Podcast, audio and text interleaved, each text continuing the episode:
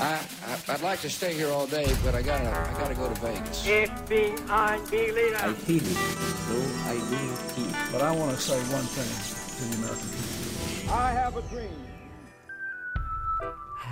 Hei og velkommen til årets aller første skikkelige Globus-sending. Eh, Vi har et fantastisk show for dere her i dag. Det er Somalia som eh, står på menyen. I tillegg til det skal vi prate litt om nyheter, sånn som vi vanligvis gjør. Vi har også fått med oss Markus, som er helt ny, så han skal vi hilse på mer utover. Den syriske byen Homs har blitt bombardert for femte dagen på rad i dag. Mer enn 40 mennesker er antatt å ha blitt drept som en følge av dette siste bombardementet. Den syriske regjeringen har pekt ut Homs som et av regimemotstandernes hovedsentre, og er fast bestemt på å knekke denne motstanden. Samtidig så øker den internasjonale motstanden mot Syrias president Bashar al-Assad og hans fremgang og angrep på sivile demonstranter. USA, samt flere europeiske og arabiske stater, har kalt hjem sine ambassadører og bedt Assad om å gå av. Siden opptøyene begynte sist mars, blir det antatt at så mange som 7000 sivile er blitt drept i Syria. I USA har kappløpet om hvem som skal bli republikanernes presidentkandidat spisset seg til etter at Rick Santorum vant valget i Minnesota, Missouri og Colorado. Tapet i disse tre statene er et kraftig tilbakeslag for Mitt Romney, som inntil nå har sett ut som han skulle vinne valget komfortabelt. Romney har vært meget populær blant den liberale delen av det republikanske partiet, men ser ut til å ha mistet tillit blant kristenkonservative og medlemmer av The Tea Party. Santorum har spilt på nettopp dette, og hevder at han er den eneste virkelig konservative kandidaten igjen i valget. For demokratene er dette gode nyheter, ettersom en splittelse blant republikanerne kun kan lede til at Obama blir styrket i valget til høsten. Den argentinske presidenten Cristina Fernandes ønsker å trekke Storbritannia inn for FN. Fernandes hevder at britenes utstasjonering av type 45-destroyeren HMS Dauntless til Falklandsøyene er å regne som militær opprustning. Hun uttalte i dag at denne opprustningen er en trussel mot internasjonal sikkerhet. Falklandsøyene har vært en del av det britiske imperiet siden 1833, og det er et stort flertall blant den i hovedsak britiske befolkningen om at øyene skal forbli britiske. Siden Falklandskrigen i 1982 har Argentina med jevne mellomrom hevdet at Falklandsøyene er argentinsk territorium, og spenningen har de siste årene økt i området. Dette etter at Storbritannia utstasjonerte nye, moderne Eurofighter-jagerfly på øya, og i tillegg begynte med oljeleting i havområdet rundt. Samtidig har Argentina fornyet sine krav, og landet forsøker nå å skaffe støtte blant naboland og i FN. Det britiske utenriksdepartementet valgte å svare på Fernandos uttalelse med å si at Falklandsøyene er britiske, og at de vil forbli britiske så lenge øyboerne der ønsker det. This is Jabba Man bigging up all the gang them looking at and ready and sexy. Listening to Radio Revolt in Atran MCT. Yo, you know how we're doing it. Lock it up. Boom!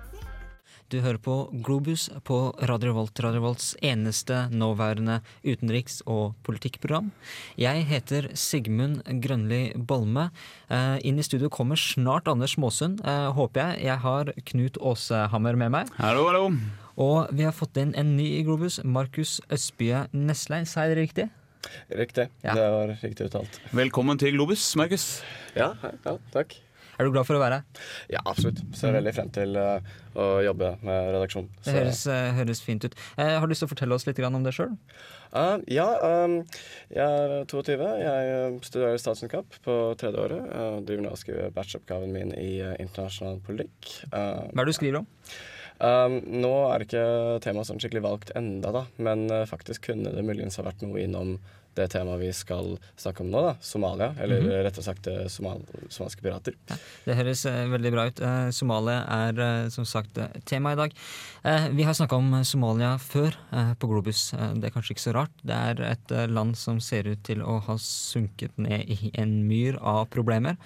Eh, eller er ikke det riktig, Knut? Ah, ja, det er absolutt riktig. Det har vært 20 år med borgerkrig, og det ser jo ikke ut til å ha noen ende.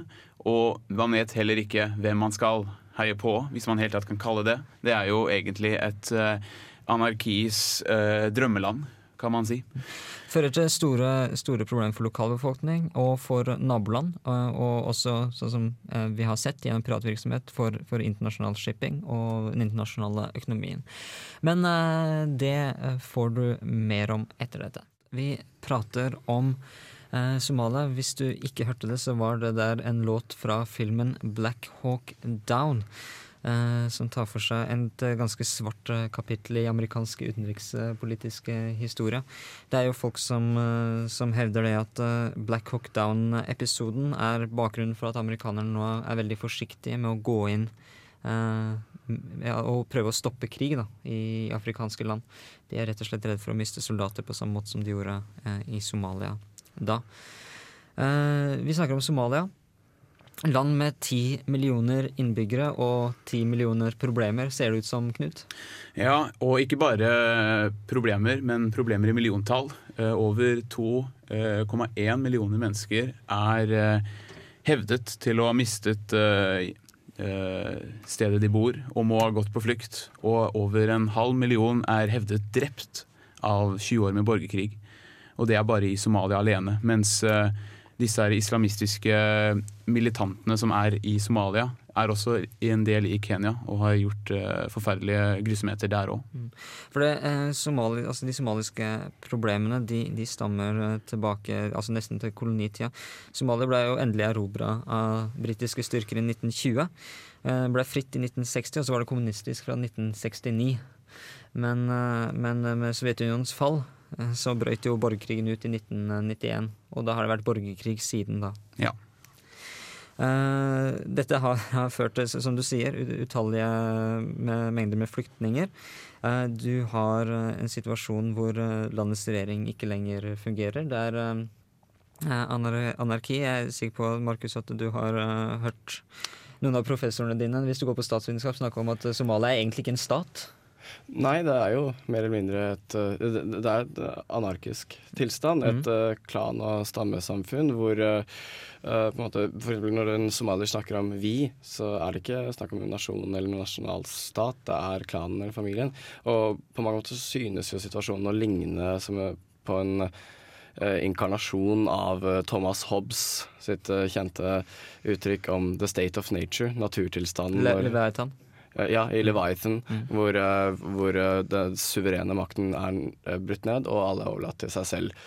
Så det er, det er en veldig dyster liksom, dyst, dystopi som har oppstått det, her. hva er det sitatet her? The basic condition of man is a condition of war.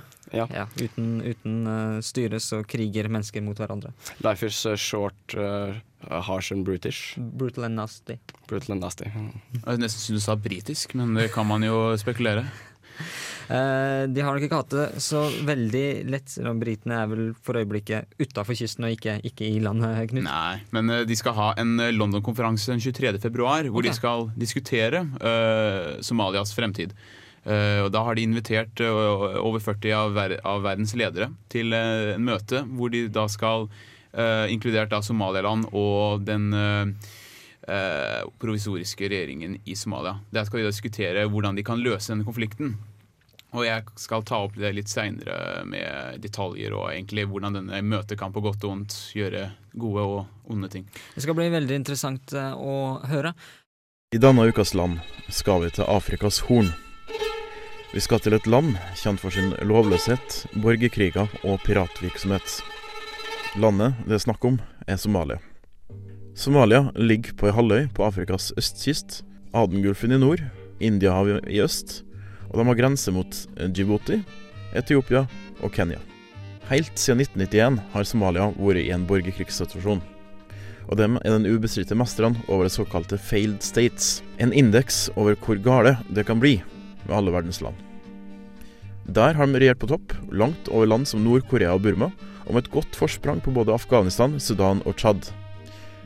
Bare i nord er det en form for orden, i områder kjent som Somaliland. De prøver på sin side å bryte ut av Somalia, for å bli anerkjent som eget land. Men så ødelagt som Somalia er nå, så er det ikke sånn det alltid har vært. Nå skal vi tilbake i tid. Helt siden steinalderen har det bodd mennesker i Somalia. Det er funnet malerier på bergvegger helt siden 9000 før Kristus. De eldste bevis på gravskikker på Afrikas Horn kommer fra gravsteder i Somalia, som er datert tilbake til 3000-tallet før Kristus. I oldtiden så hadde Somalia en veldig sofistikert sivilisasjon. Pyramidestrukturer, graver, byer i ruiner og steinmurer er bevis på det her. Og sivilisasjonen hadde en lukrativ handel med både oldtidens Egypt og Hellas, i hvert fall 1000 år før Kristus. En plass mellom 2000 og 1000 år før Kristus fikk de også til å domestikere kamelen. Og derfra har det spredt seg gjennom Egypt og Nord-Afrika. Via handel spredde islam seg til den somaliske befolkninga i kystbyene. Og ustabiliteten på den arabiske halvøya førte til ytterligere utvandring av arabiske familier til kysten av Somalia rundt 600 etter Kristus. Det førte til en økt andel av muslimer på den somaliske halvøya. På 1500-tallet skrev Duarte Barbosa, en portugisisk skribent, at mange skip fra kongedømmet Cambay i dagens India seilte til Mogadishu med klede og krydder, og i retur tok de gull, voks og elfenbein. Barbosa framheva også overfloden av kjøtt, hvete, bygg og hester og frukt på markedene, som genererte store rikdommer for handelsmennene. Flere mer eller mindre vellykka riker holdt kontrollen over Afrikas Horn og området der helt fram til 1800-tallet. Da kom imidlertid britene og italienerne på banen. Motstanden mot kolonivakta varte helt fram til 20-tallet, men da måtte de gi tapt. Etter andre verdenskrig tok britene over både den italienske og den britiske delen, og det var først i 1960 at landet ble selvstendig. Landet ble fra 1970 til 1991 styrt av Mohammed Siad Barr, men ble kasta i 91 av rivaliserende klansledere. De på sin side lykkes ikke å samle en eh, erstatning, og landet har vært uten en fungerende regjering helt siden da. I 1993 ble en USA-leda FN-styrke på 28 000 mann sendt til Somalia for å sikre leveranse av matvarehjelp samt avvæpne de stridende hærene. Dette var første gang FN greip militært inn i et medlemsland uten landets aksept, og vi i Norge vi deltok òg på de styrkene. Aksjonen var mislykka. FN-styrkene lei nederlag i Mogadishu, der 24 pakistanske og 18 amerikanske soldater ble drept. Bildene av døde amerikanske soldater som er slept etter biler gjennom Mogadishus gater, gikk verden rundt og utgjorde en betydelig PR-messig og moralsk nederlag for de amerikanske styrkene. Etter to år ble styrkene trukket tilbake. Både Somaliland i nord og Puntland i øst har erklært seg selvstendig. Det er allikevel ikke anerkjent internasjonalt, samt at de sjøl krangler om grensene sine. Det er derimot ikke krig i nord og i øst, i motsetning til sørlige deler. Både i Somaliland og i Puntland har det på fredelig vis vært gjennomført demokratiske valg. Om Failed States-indeksen var en konkurranse, hadde Somalia vunnet den fire år på rad. Dette til tross for at Somaliland fungerer greit. Det ser heller ikke ut som Somalia kommer til å miste plassen sin med det første. En kombinasjon av terrorisme, korrupsjon, borgerkriger, ubrukelig regjering, kriminalitet og piratvirksomhet gir dem en score som ingen andre failed states klarer å matche. Sjøl om det nesten virker som om de prøver. Det var Anders Småsund som dere hørte der. Han snakka litt om Somalia. Det var greit å få litt ekstra introduksjon til Somalia, Anders? Ja, jeg håper at folk eh, lærte litt. For bare beklage at eh, det var ikke verdens beste kvalitet i dag. Det, Det var ikke så gærent, Mm. alt i alt. Eh, men, men disse landområdene i nord, Somaliland og, og Puntland, hvordan er det de har klart å, å holde seg unna? Un, unna bråket i sør? Eh, ja, først og fremst Somalialand eh, var jo en britisk koloni. Eh, som, som en eh, eh, Somalia var en italiensk koloni. Og begge ble frikjent i 1960 og som du allerede nevnte, fikk en selvstendighet. Problemet da var at Somalia eh, og Somalialand de forente seg i den tida. Men etter hvert så bestemte Somaliland seg for å trekke seg ut uoffisielt og ikke anerkjent av resten av verden. Så de er, eh, de er egentlig sånn som Kosovo da, og Sør-Ossetia en eh, stat som ikke er anerkjent av verden, men som lever relativt trygt og med sitt eget styre. Ja. Så de har altså uh, organisert seg på en relativt god måte da, i forhold til resten av landet, som har lidd eh, under eh, borgerkrig og, og bråk. det skal sies her at eh, historisk sett har det ikke vært sånn som med veldig mange andre kolonier, så har det heller ikke vært ett land. Somalia har aldri vært ett land. Det har vært mange sultanriker, det har vært mange dynastier. Det har alltid, det har vært litt sånn endring, da. Eh, For at man hadde ikke den, den, den nasjonsgreia som man hadde, man hadde med når, når da protektor, protektoratet ble laga på 1800-tallet. For det er vel et av de problemene man, man har sett, at uh, man har kutta inn grenser der man har følt at de, de passa. Der de forskjellige nasjonsstatene fra Europa har uh, fått lov til å være. Ja, Jeg leste en artikkel i Aftenposten Innsikt uh, om en somalisk forfatter. Uh, navn Farah til etternavn, hun fornavn husker jeg ikke. Men i hvert fall han kom med et ganske interessant poeng at når somaliere omtaler eh, vi-begrepet, så er det aldri snakk om vi som nasjonalstaten, det er vi som klanen, som familien. Ja, det er stammen. grupperingen. Stammen, rett og slett. Rett og slett. Det, det er en ting som du ser i alle store deler av Afrika, at du har mye mer en klansfølelse, en familiefølelse, enn det du har en følelse til den staten du er med i. Det er mye mer viktig, det er den familiære. En, og vice versa. Statsapparatet, regjeringen føler ofte lite forpliktelse overfor eh, den generelle befolkningen. Det er Ja. klanen Det er det. styrer. Og det er, det er, det er grobunnen for mye av korrupsjonen. da. Derfor har du også da mul de store problemene som du har i store deler av Afrika.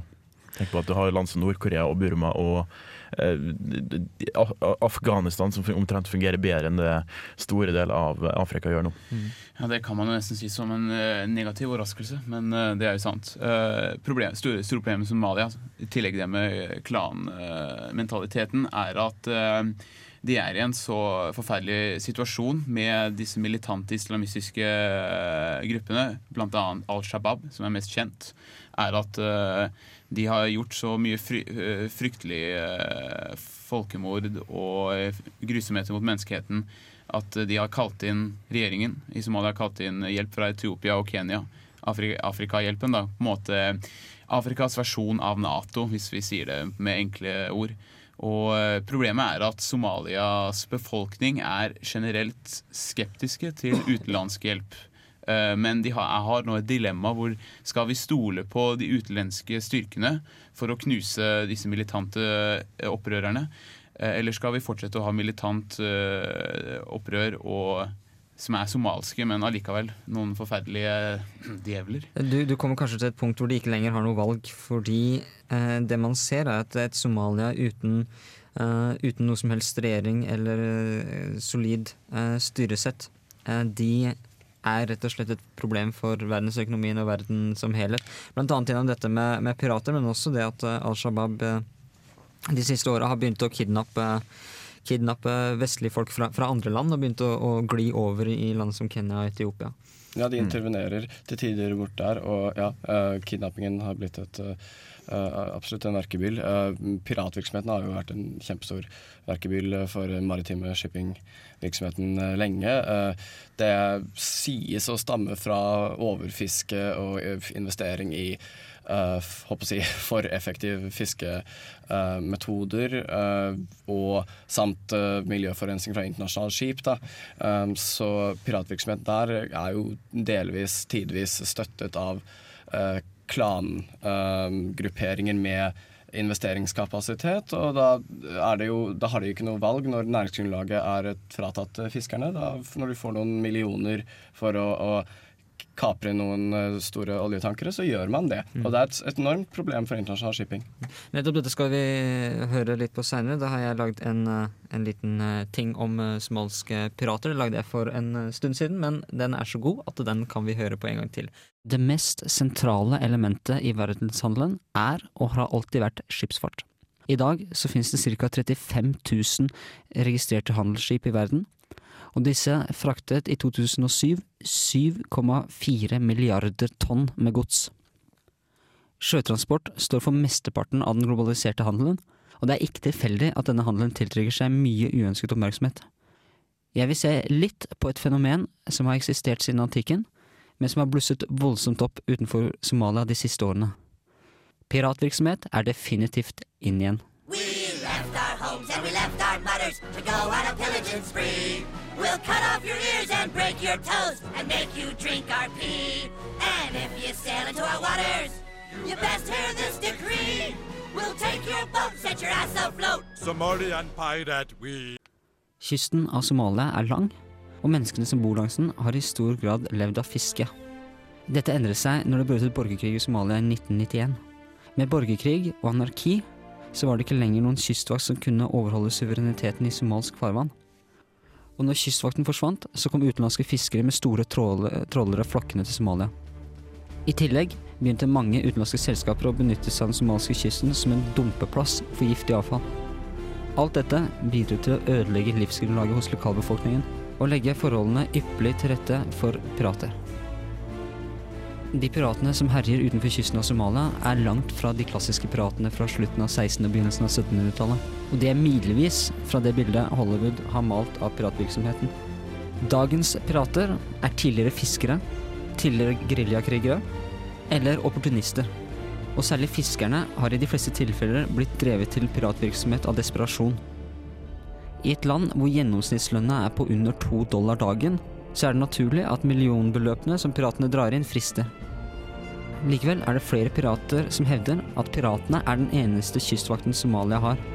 En av de største grupperingene kaller seg faktisk Somalias nasjonale kystvakt. Utstyret som piratene benytter seg, er enkle. Enkle motorbåter, AK-47 og granatkastere. Den piratvirksomheten som drives i denne bukta, har etter hvert blitt et så stort problem at FN har organisert en internasjonal styrke fra Nato-land, India, Kina og flere andre nasjoner for å hindre at den internasjonale handelen blir forstyrret. Et av de største problemene med disse operasjonene er at det ikke finnes noen domstol i Somalia som kan dømme arresterte pirater. Mange blir derfor bare satt fri når anledningen byr seg. Og uten noe ordentlig domstol, så er det umulig å få ordentlig bukt med problemet. På tross av en betydelig internasjonal marinestyrke, så er piratvirksomheten utenfor Somalia i vekst. Den britiske admiralen Peter Hudson uttalte til BBC i år at det er blitt flere pirater, og at de har begynt å operere over et mye større område enn det de tidligere gjorde. Hudson forteller videre at det er på land at kampen mot piratene må vinnes. Uten å ta piratene i basen deres kan du aldri stoppe angrepene. Så hva er konsekvensene av piratenes angrep? Vel, ved siden av å ha gitt de fleste skipseiere alvorlige nerveproblemer, så har piratene utenfor Somalia faktisk klart å jage vekk de selskapene som tidligere utnyttet kysten deres. Fiskebestanden i området har gått oppover, og lokale fiskere fra Kenya, men også fra Somalia, rapporterer om den største fangsten på mange tiår. Så selv om disse piratene er langt fra Roberts, Morgan og Svartskjeggs eh, bedrifter på 1700-tallet, så er det allikevel noe litt romantisk over måten moderne pirater forsøker å bevare landet deres på, og bekjempe de store selskapene.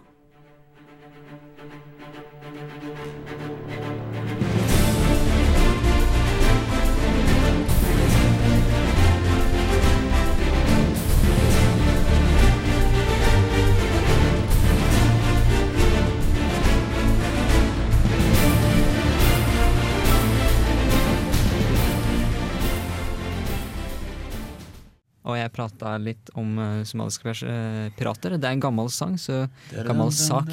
Så jeg vil, eh, vil påpeke at eh, den britiske admiralen sa ikke dette i år, han sa det i fjor. Eller muligens i forfjor. Men eh, problemet er der fortsatt. Det er ikke blitt noe mindre. Nei, jeg tror ikke akkurat piratvirksomhet går over, eh, over dagen eller året.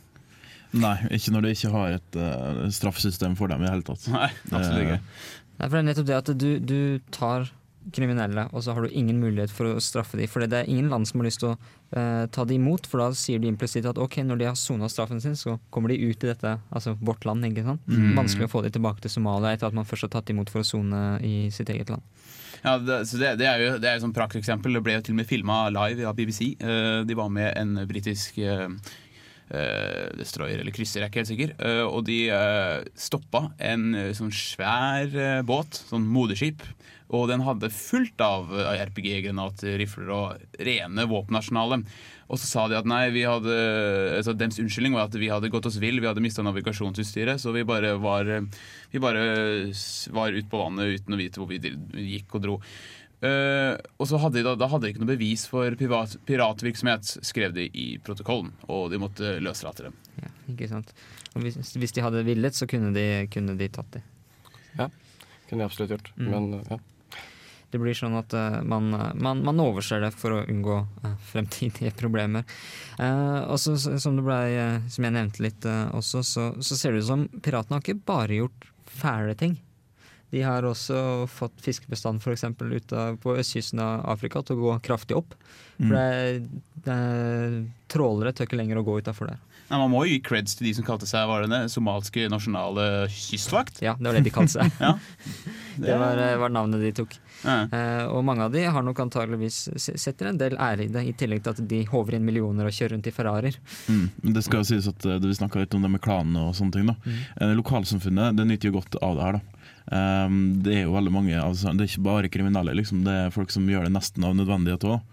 Og det blir da gitt mye tilbake igjen til et forkvakla samfunn da, som er helt ødelagt. Mm. Så man kan si at man kan ikke kalle dem onde. da Rett og slett. Og det er ikke bare for egen profitt, selvfølgelig er det for det òg, men du kan si det sånn at mange av dem gjør det rett og slett av eh, desperasjon. Mm. Og du ser jo Det er veldig sjelden du hører om pirater som faktisk har drept noen av mannskapene de kidnapper. Nei, det forekommer nesten aldri. Nei. Det er eh, ren eh, makt, og de, de er der og holder uh, mannskapet i fangenskap til de får penger, rett og slett. Det er Heldigvis da så har de internasjonale marinene De har heldigvis da også mer eller mindre forholdt den respekten ved at de ikke åpner ild og dreper piratene, men de enten løslater dem, eller så ødelegger de skipet deres og sender dem til land. Det er vel mer eller mer praksisen.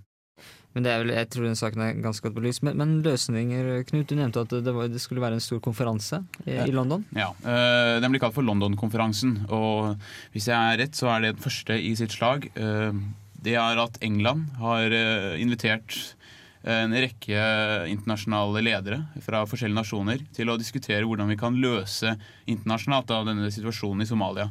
Men problemet da er at de har invitert øh, lederne for øh, den øh, midlertidige regjeringen i Somalia, som kjemper mot øh, de islamistiske eh, militante lederne. Eh, Men problemet er at disse eh, regjeringsstyrkene og regjeringslederne er egentlig svært korrupte i seg sjøl. Det har blitt registrert at all finansieringen fra utenlandet har 96% av eh, disse finansieringene har rett og slett bare forsvunnet. Man vet ikke hvor de har gått. 96, 96%. Så det var sånn, Det eneste som faktisk ble registrert, da, det var eh, post, kan man si. Det var det. Jepp. Eh, vi får se om det, det, det går an å løse det på noen måte. Eh, Globus-sendinga begynner å gå litt mot slutten. Det begynner å nærme seg eh, fire. Du har hørt på Globus. Eh, Radio Revolt, studentradioen i Trondheim, eller bare radioen, som vi var kjent eh, som i gamle dager. Eh, Globus i dag går mot slutten. Vi har snakka om Somalia. Eh, har vi ikke egentlig kommet noe nærmere noen løsning der, men, men det kan Men man kanskje ikke regne med på en time. Spørsmålet er liksom kommer de fram til en løsning sjøl. Det er det som er det viktigste. Det er, eh, det er tvilsomt at det blir noe av det. Eh, Jeg har iallfall ikke så mye tro. Vi får, vi får se. Får se hvordan det går. Eh, I studio i dag så har vi vært Knut Åshammer. Anders Maasen. Markus Neslein. Og Sigmund Grønli Bolme. Anna har vært tekniker. Hun har gjort en strålende jobb og vært eh, blid og fornøyd hele sendinga. Det har vært ypperlig. Eh, etter oss så kommer eh, Hva er det som kommer etter oss, eh, Anders? Hitsgodsklinikken. Da skal du være med, du òg? Ja. Ja.